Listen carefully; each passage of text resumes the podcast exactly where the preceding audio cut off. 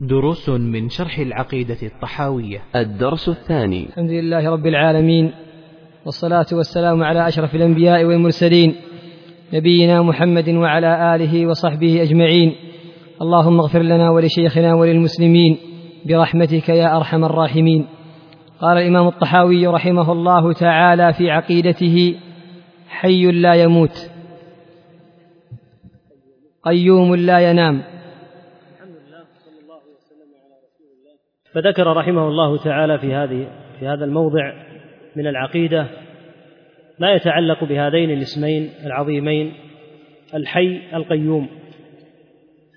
وقد ذكر الله عز وجل هذين الاسمين في مواضع من كتابه كقوله في آية الكرسي وهي أعظم آية في القرآن الله لا إله إلا هو الحي القيوم قوله في سورة آل عمران ألف لام ميم الله لا إله إلا هو الحي القيوم. ولهذا جاء في بعض الأحاديث أن الاسم الأعظم في هذه الآيات في آية الكرسي وآية آل عمران وهكذا. الآية الأخرى التي ذكر فيها الحي القيوم يعني في اسم الله عز وجل الحي القيوم. ولا شك في عظمة هذين الاسمين. قال أهل العلم هما أعظم الأسماء الحي القيوم. حي لا يموت كما سمى نفسه تعالى فحياته ليست كحياة غيره.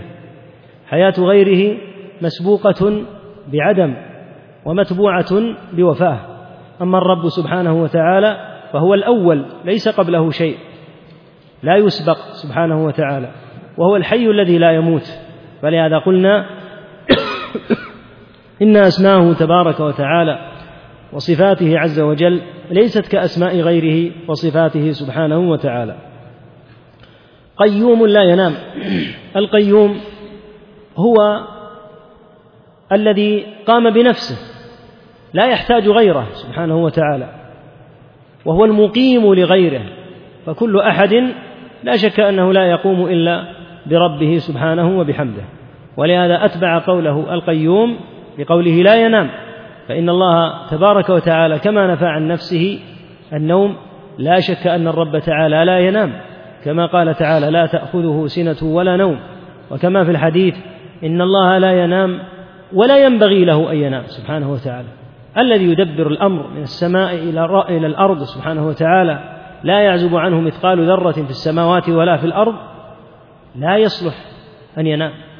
ولهذا قلنا إن منهج أهل السنة إثبات ما أثبت الله ونفي ما نفى الله فالنوم ينفى عن الله سبحانه وتعالى بنفي الله له وبنفي رسول الله صلى الله عليه وسلم له وهكذا ينفى عنه ما نفى عن نفسه كالسنة والتعب اللغوب والظلم والغفلة وما الله بغافل وما ربك بظلام وهكذا نتلقى من النصوص.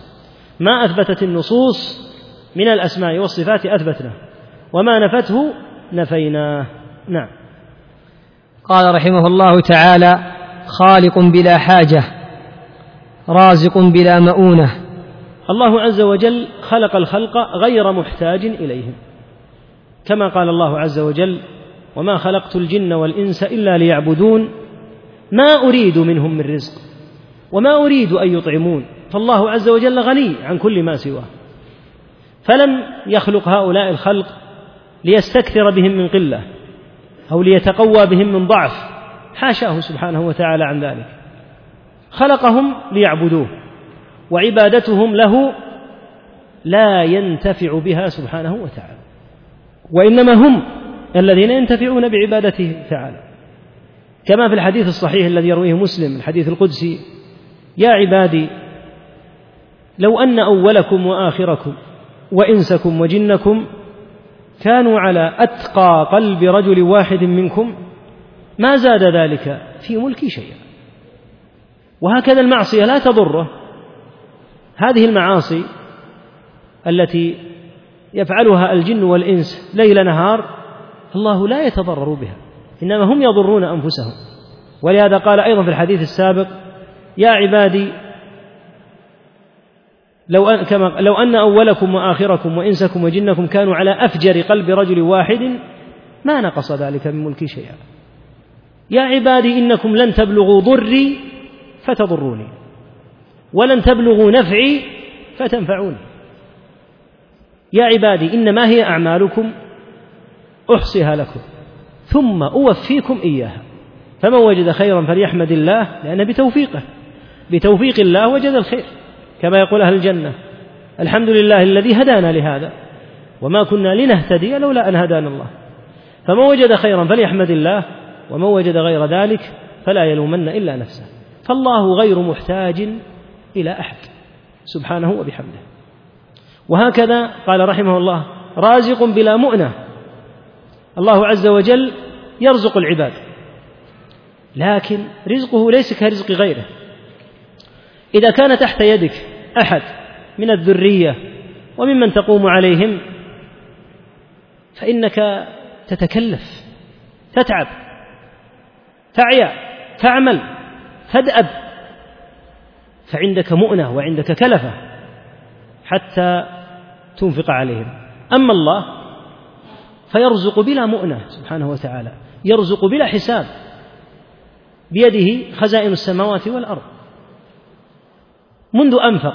ما أنفق سبحانه. منذ خلق السماوات والأرض. سبحانه وبحمده لم ينقص ما عنده. كل شيء عنده. كل شيء له. فلا يتكلف إذا رزق العباد. بخلاف غيره. فأنت إذا مثل ما ذكرنا لك إذا كان عندك من أمرت بالنفقة عليهم فإن إنفاقك عليهم يكلفك ويثقلك.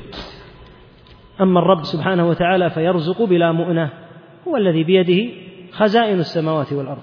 سبحانه وبحمده. نعم. قال رحمه الله تعالى مميت بلا مخافة باعث بلا مشقة. كما أنه هو المحيي فهو المميت. سبحانه وبحمده. هو الذي أوجد العباد من العدم. وخلقهم ولم يكونوا قبل خلقه تعالى شيئا. كما قال عز اسمه وقد خلقتك من قبل ولم تك شيئا. ما كان الإنسان شيئا. هل أتى على الإنسان حين من الدهر؟ لم يكن شيئا مذكورا. ما كان شيئا. فأوجده الله من العدم. خلقه سبحانه وتعالى من العدم وسيميته. ثم إذا أماته سيبعثه لأجل أن يجازيه ويحاسبه. إذا أراد بعثه فإنه لا يكلفه البعث لا يشق عليه البعث. ولهذا قال باعث بلا مشقة. يقول الله عز وجل فإنما هي زجرة واحدة فإذا هم بالساهرة. تحيا الخلائق دفعة واحدة مرة واحدة. تحيا هذه الخلائق دفعة واحدة. ولهذا يبعثهم بلا مشقة. ما في مشقة عليه سبحانه وتعالى لا في الخلق الأول ولا في الإماتة ولا في البعث ولا في الجزاء والحساب. هذه الخلائق التي لا يحصيها إلا هو. يحاسبها سبحانه وتعالى يحاسب من, من, من يكون له الحساب مرة واحدة. يحاسب الجميع سبحانه وبحمده مرة واحدة. تقيس ما يقاس ما يقاس هذا الأمر. كما أن ربك سبحانه تدعوه الملايين في وقت واحد ويعلم أن هذا يدعوه بالرزق. وهذا يدعوه بشفاء المرض وهذا يدعوه برفع المظلمة وهذا يدعوه بالذرية وهذا يدعوه بالزوجة الصالحة وهذا يدعوه بهداية قلبه. هذا يدعوه بالعربية وهذا يدعوه باللغات الأعجمية على ألوانها وأنواعها. ولا يشغله هذا عن هذا ويعلم حاجة هذا من هذا وكلهم يدعو في وقت واحد مثل مقام عرفة حين يحج ثلاثة ملايين أو مليونين. في مثل هذا الوقت كلهم يدعو كلهم يدعو. يدعون كلهم بأنواع من الدعوات. ولهذا بعضهم قد يدعو خمس أو ست ساعات متوالية كلها حاجات. ولا يغيب عن الله شيء. ولهذا صفات الله لا تقاس. لا يقول الإنسان كيف يعرف دعوة هذا من هذا من هذا من هذا؟ في وقت واحد. لا تقس ربك على نفسك سبحانه وتعالى. وهكذا الجزاء. يجازيهم ويعلم أن هذا أجرم بكذا. وأن هذا أصاب وأحسن في كذا. وأن هذا يجازى بكذا. وأن هذا يعاقب بكذا. ولا يشغله سبحانه وتعالى الجزاء. إن ربك سريع الحساب. فحسابه سريع. وإماتته سبحانه وتعالى لمن أراد أن يميت وبعثه لمن أراد أن يبعث. ليس فيها مشقة. ولهذا ينبغي أن تكون هذه الصفات مما يعظم قدر الرب في قلوب العباد. من أعظم ما يعظم قدر ربك في قلبك هذه الصفات. صفات الله عز وجل العظيمة هذه وأفعاله التي لا تقاس تعظم قدر الرب في القلب. ومن هنا كان نفي الصفات مصيبة. نفي الصفات نفي الصفات مصيبة من المصائب لأن الصفات الإيمان بها يزرع الخوف والرجاء في القلب. فإذا قطعنا الإيمان بالصفات انقطع عن القلب الخوف والرجاء. لأنك إذا كنت تعلم أن ربك تعالى من صفاته أنه عز وجل رحيم ودود. من أسمائه أنه رحيم ودود غفور كريم عفو رجوته سبحانه وتعالى. فإذا نفيت هذه الصفات انقطع الرجاء معها ينقطع الرجاء معها. وهكذا إذا علمت أن ربك شديد العقاب يغضب ممن عصاه ويبطش به وينتقم منه فإذا نفيت انقطع الخوف. ولهذا نفي الصفات لا شك أنه بلية من البلايا الصفات التي أثبتها الله. فهذه الصفات من أعظم ما يزرع خوف الله تعالى في القلب كما تقدم. نعم. قال رحمه الله تعالى ما زال بصفاته قديما قبل خلقه أكمل. لم يزدد بكونهم شيئا لم يكن قبلهم من صفته. وكما كان. وكما كان بصفاته أزليا كذلك لا يزال عليها أبديا. هذا الموضع يراد به الرد على المعتزلة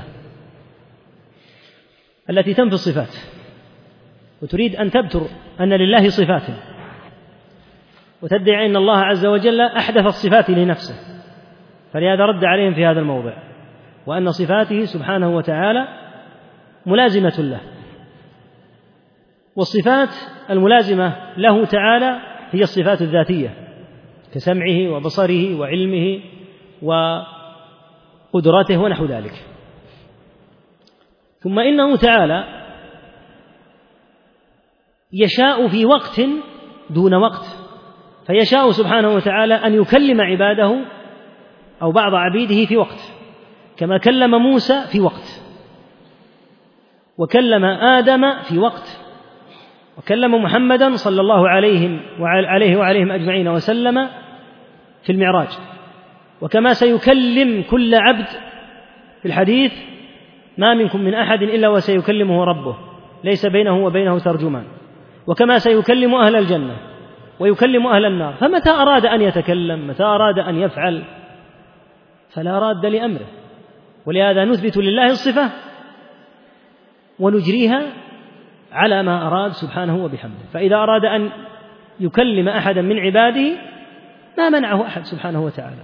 أما الذين ينفون الصفات كصفة الكلام سواء من الأشعرية والماتريدية أو من نفاة الصفات قبلهم فإن هؤلاء ولا شك الأمر العظيم الذي اتصف الرب به يبترون الإيمان به عن عباد الله تعالى. هذه الصفات قال فيها وكيع بن الجراح رحمه الله تعالى كلمة تكتب بماء الذهب. يقول رحمه الله تعالى بهذه الصفات عرفنا الله. بهذه الصفات عرفنا الله. أعرف أن ربي يرحم ويغفر وأعرف أن ربي يسمع ويعلم ويبصر وأنه لا يعزب عنه شيء وأعلم أنه سبحانه وتعالى إذا بارزه العبد بالعقوبة غضب عليه وقد ينتقم منه وقد يجعله عبرة فعرفت ربي بذلك. فمراده أنه إذا نفيت هذه الصفات كيف يعرف الله؟ كيف يعرف الرب إذا نفيت صفاته؟ فهذه الصفات لا شك أنها تعريف للعباد بربهم. كما قال تعالى تأمل هذه الآية. إن ربكم الله الذي ما بعد كلمة الذي تعريف. يبدأ ربك يعرفك بنفسه. إن ربكم الله الذي خلق السماوات والأرض في ستة أيام. ثم استوى على العرش. يغشي الليل النهار يطلبه حثيثا. والشمس والقمر والنجوم مسخرات بأمره. ألا له الخلق والأمر. كل هذا تعريف. لهذا قال تبارك الله رب العالمين سبحانه وتعالى. فنفي الصفات والأفعال يؤدي إلى انقطاع معرفة العباد بربهم. ولهذا رد هنا على المعتزلة. الذين ينفون الصفات فأخبر أن الرب سبحانه وتعالى بصفاته يثبت لله عز وجل الصفات. والصفات كما قسموها منها صفات ذاتية وهي الملازمة لذاته تعالى كسمعه وبصره وعلمه ووجهه سبحانه وتعالى. والصفات الاختيارية وهي التي يتصف بها في وقت دون وقت يتصف بها متى شاء سبحانه وبحمده عليه توكلت وإليه متاب. نعم. قال رحمه الله تعالى ليس بعد الخلق استفاد اسم الخالق ولا بإحداث البرية استفاد اسم الباري. أسماء الرب سبحانه وتعالى سمى بها نفسه. فهو سبحانه وتعالى هو الخالق هو الرازق هو الباري. فيلتزم ما سمى به نفسه سبحانه وبحمده. فهو سمى نفسه بالخالق هو الخالق سبحانه وبحمده وهو الذي يخلق العباد وهو البارئ والذي يبرأهم وهكذا. نعم. قال رحمه الله تعالى له معنى الربوبية ولا مربوب ومعنى الخالق ولا مخلوق. وكما أنه, وكما أنه محيي الموتى بعدما أحيا استحق هذا الاسم قبل إحيائهم وكذلك استحق اسم الخالق قبل إنشائهم. نعم مراده بذلك ما تقدم. أنه سبحانه وبحمده محيي رحمك الله محيي الموتى وهو الخالق وهو الرب سبحانه وتعالى يقول ولا مربوب حتى قبل أن يخلق الخليقة وقبل أن يبرأ البرية فهو خالقهم وهو ربهم سبحانه وتعالى. قبل خلقهم وبعد خلقهم. هو ربهم قبل إيجادهم وبعد إيجادهم سبحانه وبحمده. نعم. قال رحمه الله ذلك بأنه على كل شيء قدير وكل شيء إليه فقير وكل أمر عليه يسير لا يحتاج إلى شيء ليس كمثله شيء وهو السميع البصير. قدرة الله على كل شيء سبحانه وبحمده. كما تقدم ليس شيء يعجز الله عز وجل أبدا. وهو القادر على كل شيء. وما سوى الله فقير إليه تعالى. الجميع فقير إليه. يا أيها الناس أنتم الفقراء إلى الله. والله هو الغني الحميد. فالجميع فقراء إليه عز اسمه وتقدست أسماؤه لا إله إلا هو. وكل أمر عليه يسير. ولهذا ذكر الله يسر الأمور عليه بعد أمور عظيمة. مثل بعث الخلائق. إذا بعث الله عز وجل الخلائق وأقر سبحانه قرر سبحانه وتعالى أنه يبعث الخليقة قال وذلك على الله يسير. أمر عظيم وعجيب. ولا يمكن أن يكون يسيرا على أي أحد لكن على الله هو يسير. وهكذا القدر. ما أصاب من مصيبة في الأرض ولا في أنفسكم إلا في كتاب من قبل أن نبرأها أمر عظيم عظيم جدا. لا يقع شيء مطلقا إلا والله قد علمه وكتبه في اللوح المحفوظ ختمه بقوله إن ذلك على الله يسير فهو يسير عليه سبحانه وتعالى. وكل شيء إليه فقير ليس كمثله شيء وهو السميع البصير. أعادك هنا إلى القاعدة أن الله تعالى لا يقاس عليه فليس كمثله شيء. فإن كان الأمر عسيرا على كل من سواه فإنه عليه يسير لأنه ليس كمثله شيء سبحانه وتعالى. نعم. قال رحمه الله تعالى خلق الخلق بعلمه وقدر نعم لهم خلق الخلق. بعلمه كل الخلائق. لا تعزب عن علمه سبحانه وبحمده. علمها علمه فيهم نافع. فخلق الخلق سبحانه وتعالى بعلمه وهو أعلم بما يستحقه الخلائق وهو أعلم بكل حال من أحوال هذه الخلائق إلى أن يبعثها ويوصل كل إنسان إلى مستقره الذي استحقه. نعم. قال رحمه الله وقدر لهم أقدارا وضرب, وضرب لهم آجالا. ذكر هنا ما يتعلق بالقدر. وقد فرق رحمه الله تعالى الكلام في القدر في مواضع. في أكثر من موضع في هذه العقيدة ذكر ما يتعلق بالقدر. نذكر هنا ما يتعلق بالقدر. فنقول النصوص التي وردت في القدر أقسامها ثلاثة. القسم الأول تثبت يثبت ما يتعلق بالرب سبحانه وتعالى. وذلك بإثبات المراتب الأربع للقدر. علمه كتابته مشيئته خلقه. فما هنالك شيء إلا وهو يعلمه. وكتبه في اللوح المحفوظ. ولا يقع أمر من الأمور إلا وقد شاءه ثم إنه هو الخالق لكل شيء سبحانه وتعالى. من آمن بهذه الأمور الأربعة فقد أثبت ما يتعلق بالرب. وهذا هو القسم الأول. والآيات الدالة عليه كثيرة جدا في القرآن.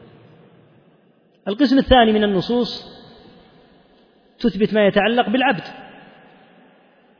وهو أن إثباتك لهذه الأمور للرب من علمه تعالى وكتابته ومشيئته لكل شيء وخلقه لكل شيء إذا أثبتت القسم الأول فتفطن للقسم الثاني.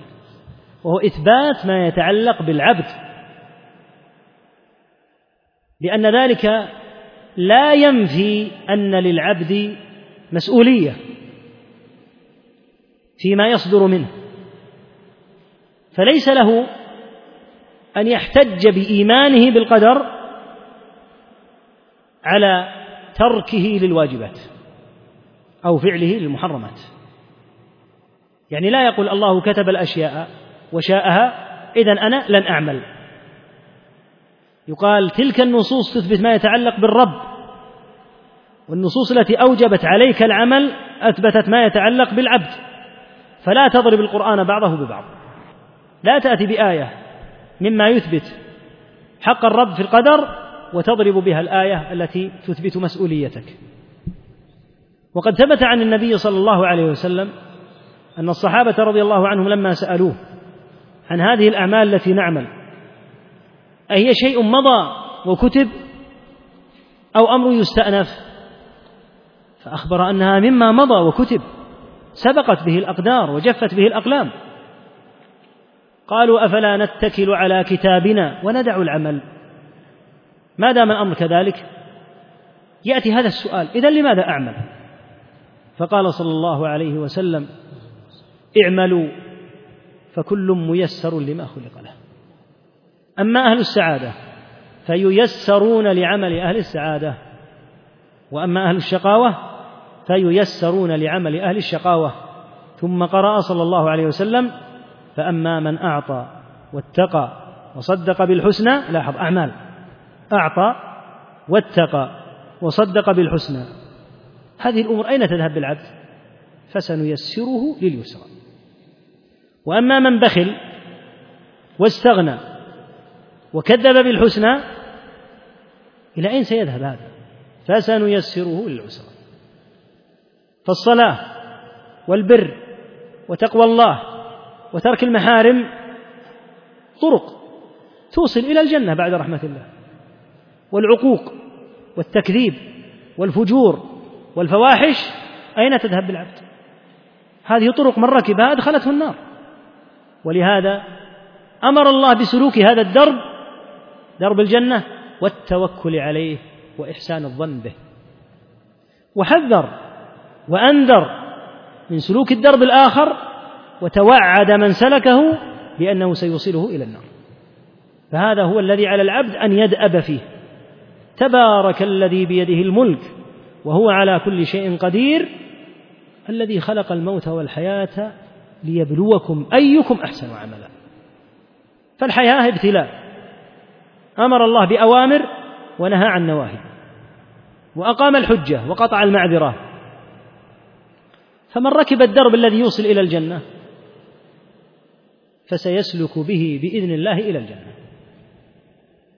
يعني ليست الصلاة وطاعة الرسول والإيمان دروب للنار لا هذه دروب للجنة. اركب هذا الدرب وسيوصلك بفضل الله إلى الجنة. وهذا هو الذي على العبد أن يدأب فيه وأن يركز عليه. يأتيه الشيطان يقول لماذا تعمل؟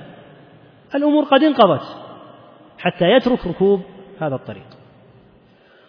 ولهذا لما قال سراقة رضي الله عنه للنبي صلى الله عليه وسلم يا رسول الله فيما العمل؟ وأخبره عليه الصلاة والسلام. أن أهل السعادة ييسرون لعمل أهل السعادة وأن أهل الشقاوة ييسرون لعمل أهل الشقاوة. ماذا قال؟ قال ما كنت أشد اجتهادا مني الآن. يقول الآن سأجتهد في العمل لأن الله وهو الذي لا يخلف وعده بين لي الطريق وقال اركب هذا الطريق وستنجو بعد رحمتي. فأنا سأتوكل عليه وأطيعه وأركب هذا الطريق متوكلا عليه. وبعد رحمته سأصل. ما إذا قلت لا يا رب هذا الدرب الذي قلت أركب أن لن أركبه وسأبقى هكذا. يؤدي هذا إلى ماذا؟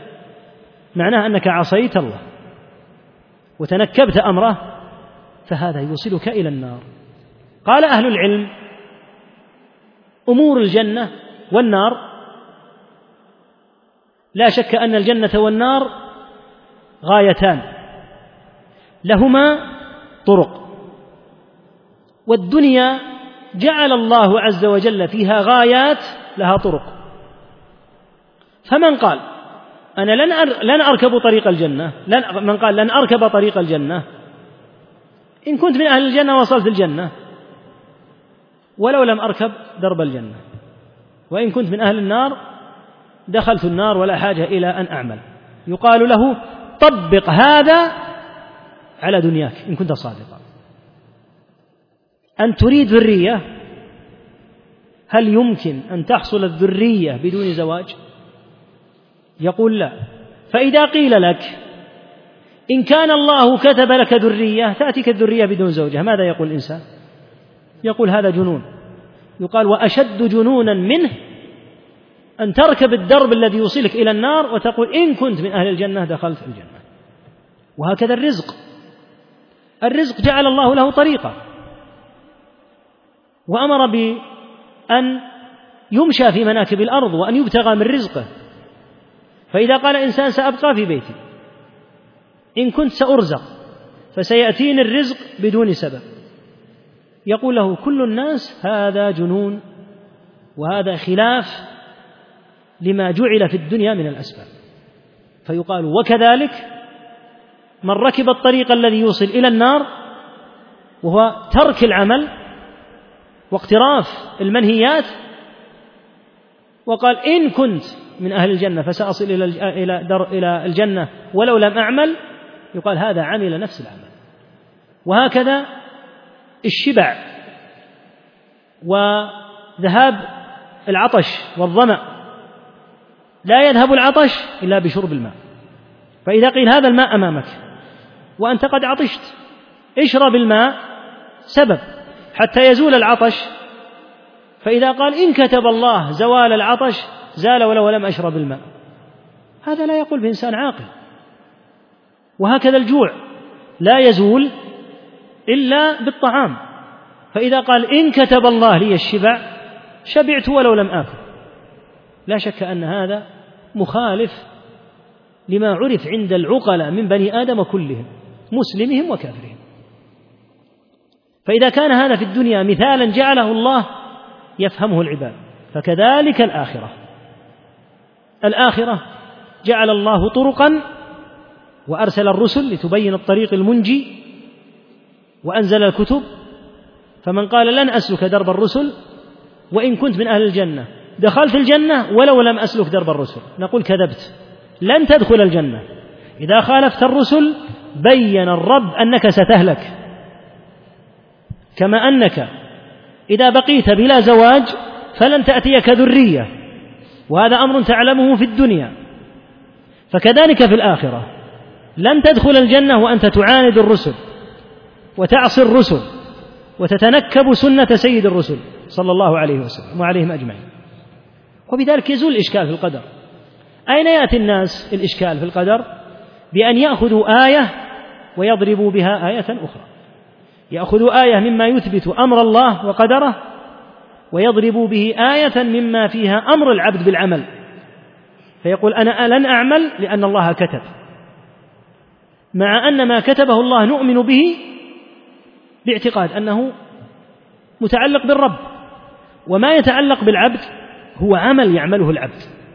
فكون الإنسان يضرب هذا القسم بهذا القسم هو مما اشتد غضب النبي صلى الله عليه وسلم على من فعله. وقد جاء عنه صلى الله عليه وسلم أن أصحابه مرة تنازعوا في القدر. فخرج صلى الله عليه وسلم مغضبا محمر الوجه عليه الصلاة والسلام. وقال بهذا أهلكت الأمم من قبلكم. بهذه النزاعات وهذه المجادلات. وأمرهم عليه الصلاة والسلام أن لا يضربوا القرآن بعضه ببعض. يعني لا تأخذ آية وتضرب بها آية أخرى. لأنك لو فهمت القرآن فهما سويا لعلمت أن لهذه الآية موضعا هذا معناه. ولتلك الآية موضع هذا معناه. لكن إذا جهلت وجهلت أنك تجهل قلت هذه الآية كيف تكون مع هذه الآية؟ فضربت الآية ببعضها. وهذا يؤدي إلى التشكيك وإلى الشبه ولهذا نهينا عن هذا. فالواجب على العبد إذا علم أن يبث العلم وإذا جهل أن يسأل من يزيل علمه. أما أن يجهل ويتسور على القرآن. يتحدث بآية القرآن وهو جاهل ويتسور على الأحاديث وهو جاهل فلا شك أنه يهلك ويهلك غيره. القسم الثالث من النصوص الواردة في القدر النصوص التي فيها النهي عن النزاع في القدر. النهي عن النزاع في القدر. كما في قوله تعالى إن المجرمين في ضلال وسعر يوم يسحبون في النار على وجوههم ذوقوا مس سقر إنا كل شيء خلقناه بقدر. ثبت أن المشركين من كفار مكة أتوا النبي صلى الله عليه وسلم ينازعونه في القدر. فنزلت الآية. يوم يسحبون في النار على وجوههم ذوقوا مس سقر إنا كل شيء خلقناه بقدر. وجاء عنه عليه الصلاة والسلام الحديث الذي ذكرته قبل قليل وجاء عنه أيضا صلى الله عليه وسلم أنه قال أخر النزاع في القدر لشرار أمتي آخر الزمان. فالمتنازعون في القدر هم الأشرار هم الفجار كالجبرية والمعتزلة وأضرابهم. والنزاع في القدر يؤدي إلى شيء من التشويش لكن يشوش على العامي الجاهل. أما العالم فلا يتشوش لأن الأمر كما ذكرت لك إذا ضبطت بإذن الله أن النصوص الواردة في القدر فيها قسم يتعلق بالرب وفيها قسم يتعلق بالعبد. فإذا أتى أحد وضرب آية بآية قلت هذه لها موضع وهذه لها موضع. لكن خلطت الموضعين أنت. فلما خلطتهما لم يتبين لك الأمر. نعم. قال رحمه الله تعالى ولم يخف عليه شيء قبل أن يخلقهم وعلم ما هم عاملون قبل أن يخلقهم. نعم لا شك أن الله تعالى لا يخفى عليه شيء. إن الله لا يخفى عليه شيء في الأرض ولا في السماء. ولا شك أنه علم جميع ما سيعمله الخلائق ويسر كلا لما خلق له استعمل ناسا في طاعته وحبب الطاعة لقلوبهم فالطاعة لقلوبهم أحب إليهم من أبنائهم وأهليهم بل ومن أنفسهم يحب الطاعة قلوب طيبة وفقها الله عز وجل لحب طاعته وذكره وشكره إذا ذكر الله اطمأنت قلوبهم. وفقهم لهذا. وخلق اناسا جعل ذكره سبحانه وتعالى وبالا عليهم. إذا ذكر الرب سبحانه اشمأزت قلوبهم. وإذا ذكر الله وحده اشمأزت قلوب الذين لا يؤمنون بالآخرة. هذا صنف وهذا صنف. الصنف الأول موفق مسدد. والصنف الثالث مخذول هالك. ولهذا قال تعالى الذين آمنوا وتطمئن قلوبهم بذكر الله. ألا بذكر الله تطمئن القلوب. وقال في الصنف الثاني وإذا ذكر الله وحده اشمأزت قلوب الذين لا يؤمنون بالآخرة. وأخبر تعالى أنه إذا تليت عليهم آياته تعرف في وجوه الذين كفروا المنكر يكادون يسطون بالذين يتلون عليهم آياتنا. فالله أكبر. خلق الله هذه الخلائق وجعلها على غير نوع واحد. منهم من يطمئن بذكره ويأنس ويفرح إذا ذكر الله ومنهم من يشمئز وينقبض. يسر هؤلاء لهذه الأعمال الطيبة وعلم سبحانه أنهم سيعملونها قبل أن يعملوها. وفق وخذل أولئك وسلط عليهم أنفسهم والشيطان فوقعوا في تلك الأعمال القبيحة. نسأل الله العافية والسلامة وعلم أنهم سيعملونها قبل أن يعملوها. فلا شك أن الله يعلم كل شيء قبل أن يقع. وهذا معنى علمه بالغيب. أما إذا وقع الشيء علمه الجميع. علمه حتى الإنسان. فالله يعلم الأمور قبل أن تقع.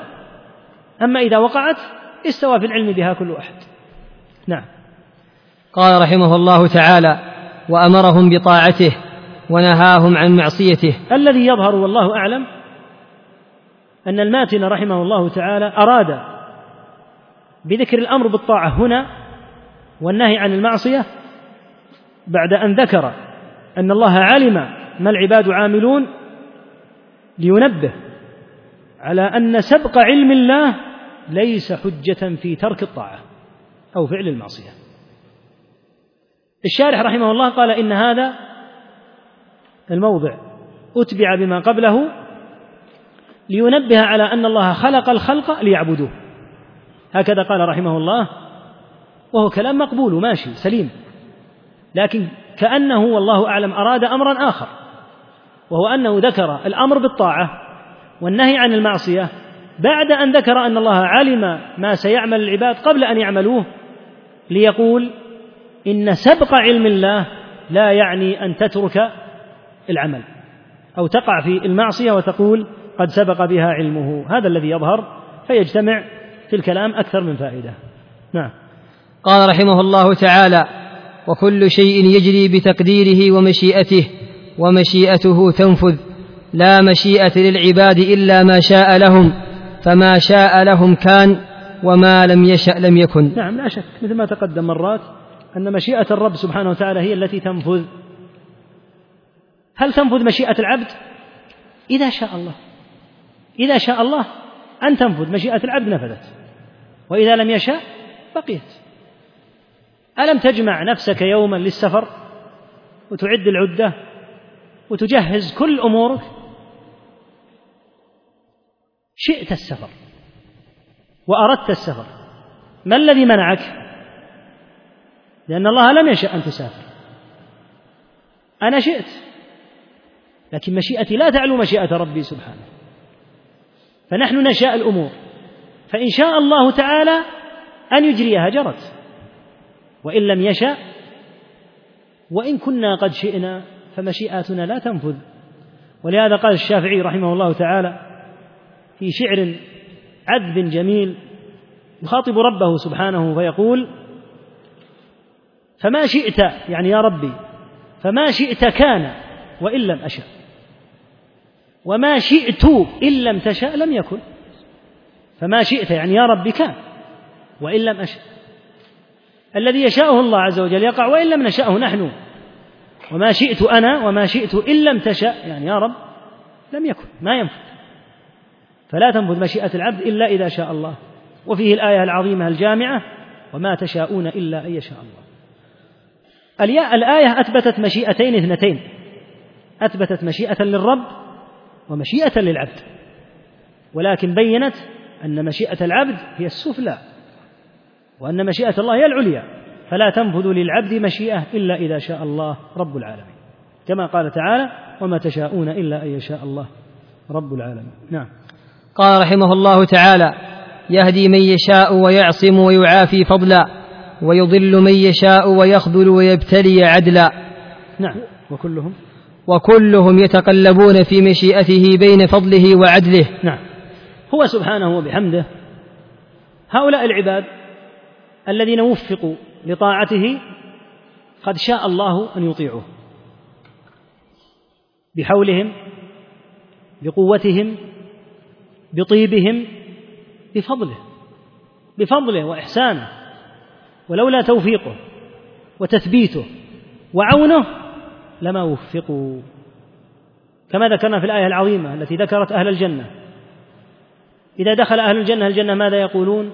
الحمد لله الذي هدانا. هدانا لهذا. وما كنا لنهتدي لولا أن هدانا الله. فلولا هداية الله لما وفقت وأعنت. ولولا فضله عليك وإحسانه لما يسر لك ما تيسر. ولهذا المؤمن الذي في الجنة حين يتطلب قرينا كان له في الدنيا يكذب بالبعث. قال هل أنتم مطلعون؟ يقول لأهل الجنة هل أنتم مطلعون؟ سيطلع وهو في الجنة على النار يرى هذا القرين أين هو؟ فاطلع فرآه في سواء الجحيم. قال تالله إن كدت لتردين ولولا نعمة ربي. لكنت من المحضرين يعني في العذاب. لولا نعمة الله عز وجل لكنت محضرا في العذاب كما أحضرت فالهداية بفضل الله ولهذا ليس للعبد أن يفخر بطاعته ولا بعلم علمه ولا بصدقة هذه فضل الله عليك تفخر بماذا؟ هذا فضل منة من الله عز وجل محضة عليك فكيف تفخر به؟ تستبدل الشكر بالفخر بدلا من أن تشكر وتحمد الله. وتقول كما قال سليمان عليه الصلاة والسلام سليمان لما حصل له الأمر العجيب الهائل الإتيان بعرش ملكة سبأ من اليمن إلى الشام عنده. فلما رآه مستقرا عنده وش قال؟ ما قال لأن عندي جنود ولأن عندي قوات وقدرات وبفضلي ولأن لدي جنود على جانب من الوعي. أول ما نطق فلما رآه مستقرا عنده قال هذا من فضل ربي. ليبلوني أأشكر أم أكفر؟ هكذا من أحيا الله قلبه. أما المخذول فإنه ينسب الفضل إلى نفسه وينسى ربه. هذا ما يتعلق بمن هداه يهدي من يشاء ويعصم فضلا سبحانه. ويخذل من يشاء ويضل عدلا منه وليس ظلما لأنهم استحقوا هذا. خبثا طبيعتهم خبيثة. خلقوا للنار ولأعمالها نسأل الله العافية. فلما لم يهدهم لم يكن ذلك ظلما منه بل هو محض عدله سبحانه وتعالى. فخذلهم عدلا منه لأنهم ليسوا أهلا لهدايته. والهداية لها موضع ومحل. يعلم الله عز وجل من يستحقه ممن لا يستحقه. كما قال تعالى في الرسالة الرسول الله لا يبعث أي رسول وإنما يبعث من يعلم سبحانه وتعالى أنه مهيأ لذلك.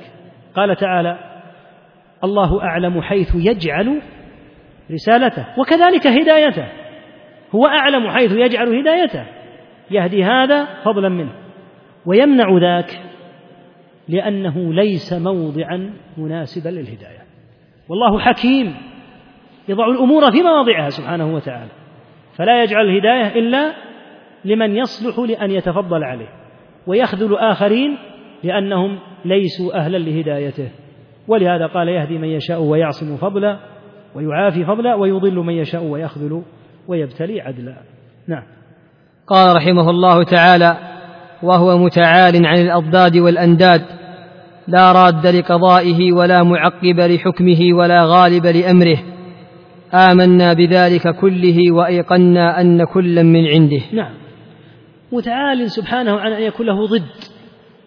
يمكن أنه ينازع ويضاد الله. هذا في ملوك الدنيا. أما الله فكل ما سواه عبيد له تعالى. إن كل من في السماوات والأرض إلا آتي الرحمن عبدا كيف يكون من هؤلاء العبيد مضاد؟ لقد أحصاهم وعدهم عدا وكلهم آتيه يوم القيامة فردا. فرد ضعيف مسكين يأتي إلى ربه تعالى. وأخبر تعالى أنهم يأتون إليه داخرين أي صاغرين. ما في أحد يأتي إلى ربه سبحانه وتعالى إلا على هذا الحال. فليس لله ضد يضاده وليس له تعالى ند أي مثيل ومساوي يماثله. هو سبحانه وتعالى لا ضد ولا ند له. ولهذا قال بعده لا راد لقضائه. إذا قضى أمرا ما يستطيع أحد أن يرده لأن ما له ضد سبحانه وتعالى. ولا معقب لحكمه. حكمه لا يتأخر. مجرد أن يحكم الرب بالأمر يقع. ولا يحتاج الرب سبحانه وتعالى إلى ما يحتاج إليه ملوك الدنيا. من أنهم يأمرون بالأمر ثم بعد مدة. يقولون ماذا حصل في الأمر كذا؟ يقولون ما نفذ. نفذوه. ثم يقولون نفذوه نفذوه وقد لا ينفذ. أما الله فكلمة واحدة. قال الله عز وجل وما أمرنا إلا واحدة. ما في الثاني يرد لا هذا عند ملوك الدنيا. ولهذا قال تعالى والله يحكم لا معقب لحكمه سبحانه وتعالى. فالله تبارك وتعالى إذا أمر بالأمر لا يتأخر ولا يضاد بمعنى ولا يرد حكمه ولا يغلب أمره. هذه الأمور تقع في ملوك الدنيا يغلبون على أمورهم وترد أقضيتهم وتعقب أحكامهم. أما الله فهو أعلى وأجل من أن يكون شيء من ذلك. نعم. قال رحمه الله تعالى وإن محمدا عبده المصطفى ونبيه المجتبى. ونبيه. ونبيه نعم المجتبى. نعم, نعم ونبي ونبيه ونبيه. ونبيه المجتبى ورسوله المرتضى وأنه خاتم الأنبياء وإمام الأتقياء وسيد المرسلين وحبيب رب العالمين. نعم. بدأ رحمه الله تعالى في الكلام على الإيمان برسالة محمد صلى الله عليه وسلم. أول ما قرر الركنان الركنين اللذين ينبغي أن يلاحظهما المؤمن في الإيمان بالرسالة أنه عبد الله ورسوله. فإذا قال عبد معناه أنه بشر لا يخرج عن نطاق البشرية. ولكنه ليس كأي عبد. كلامه ليس ككلام غيره. أمره ليس كأمر غيره. خبره ليس كخبر غيره عليه الصلاة والسلام.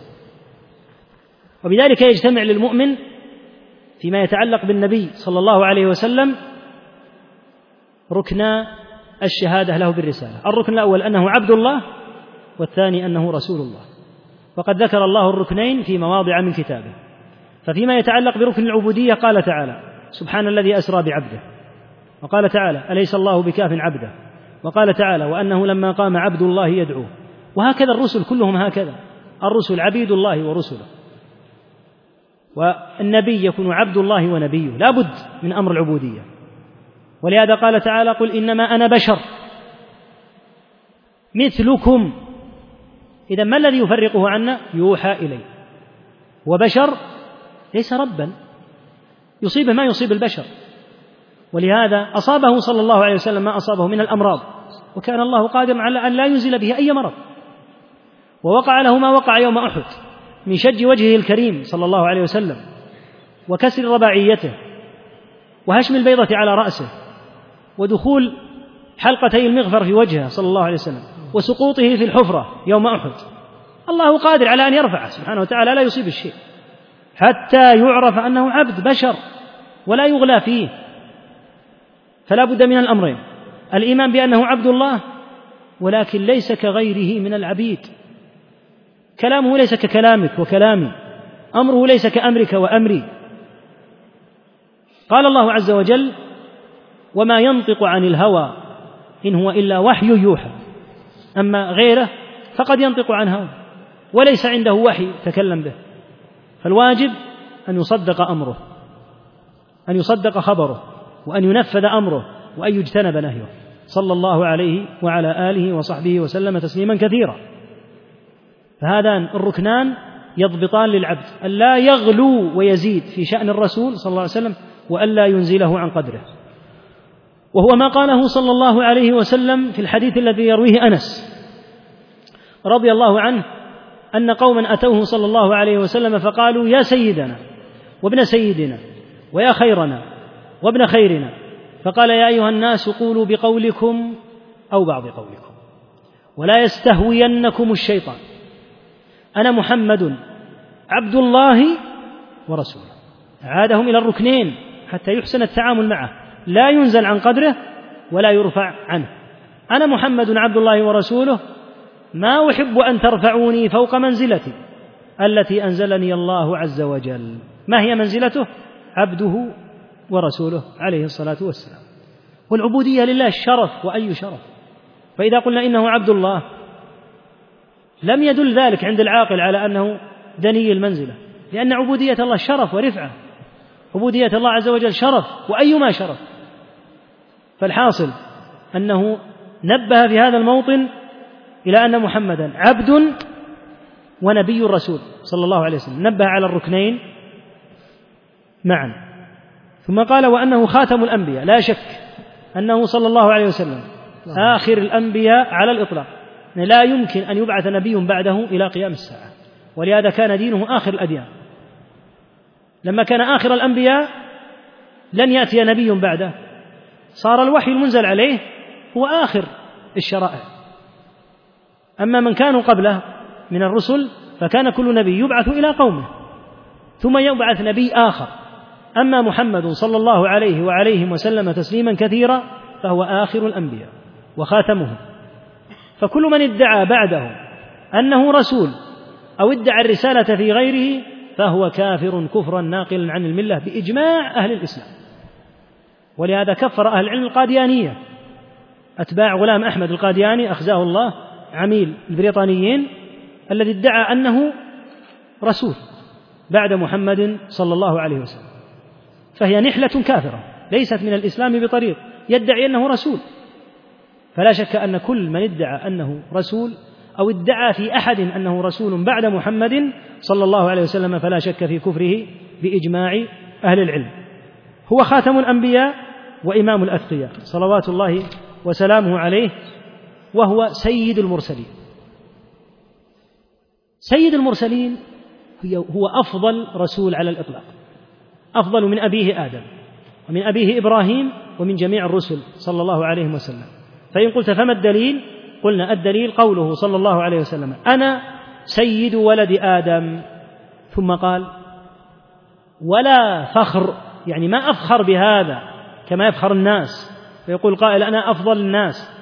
يقول أنا أخبركم به لا على سبيل التفاخر ولكن لأن الأمة بحاجة إلى أن تعرف هذا الأمر من هو أفضل بني آدم؟ لو قال إنسان إنه موسى وقال آخر بل هو إبراهيم وقال آخر بل هو أبونا آدم لقيل لا يجوز الكلام في هذا الأمر لأن ليس عندنا نص. لكن لما جاء هذا النص علمنا أنه صلى الله عليه وسلم خير بني آدم على الإطلاق وسيدهم بلا منازع صلى الله عليه وسلم. ثم إن الماتن رحمه الله تعالى قال وحبيب رب العالمين.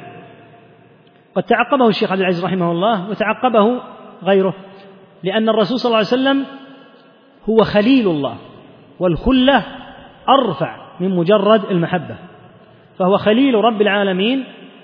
الخلة أعظم وأرفع درجات المحبة. ولهذا قال صلى الله عليه وسلم إني أبرأ إلى الله أن يكون لي منكم خليل فإن الله قد اتخذني خليلا كما اتخذ إبراهيم خليلا.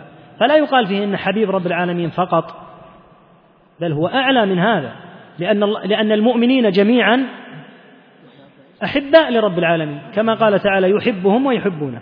أما محمد وإبراهيم صلى الله عليه وسلم فبلغ أعظم درجات المحبة وهي الخلة. فيقال فيه أرفع ما يستحقه صلى الله عليه وسلم. نعم. قال رحمه الله تعالى وكل دعوى النبوة بعده فغي وهوى وهو المبعوث إلى عامة الجن وكافة الورى بالحق والهدى وبالنور والضياء. القسم الأول أن كل دعوة يدعيها شخص في نفسه أو في غيره من أن هناك نبيا بعد محمد صلى الله عليه وسلم فغي وهوى وهذا النوع من الغي وهذا النوع من الهوى غي كفري وهوى كفري يعني يخرج من الملة. لأن الهوى يمكن أن يطلق على صاحب المعصية من المسلمين ويطلق أيضا على من كفر. فيقال عباد الأوثان من المشركين اتبعوا أهواءهم. فهواهم هنا هوى كفري. فهكذا الهوى المذكور هنا هو هو هوى كفري ينقل عن الملة. نسأل الله العافية والسلامة. ثم قال وهو المبعوث إلى عامة الجن وكافة الورى. يعني أنه صلى الله عليه وسلم رسالته عامة واختلف بذلك عن سائر من كان قبله من الأنبياء. قال عليه الصلاة والسلام فضلت على الأنبياء بخمس ذكر منها وكان النبي يبعث إلى قومه خاصة وبعثت إلى الناس كافة. قال تعالى وإلى عاد أخاهم هودا وإلى ثمود أخاهم صالحا. لقد أرسلنا نوح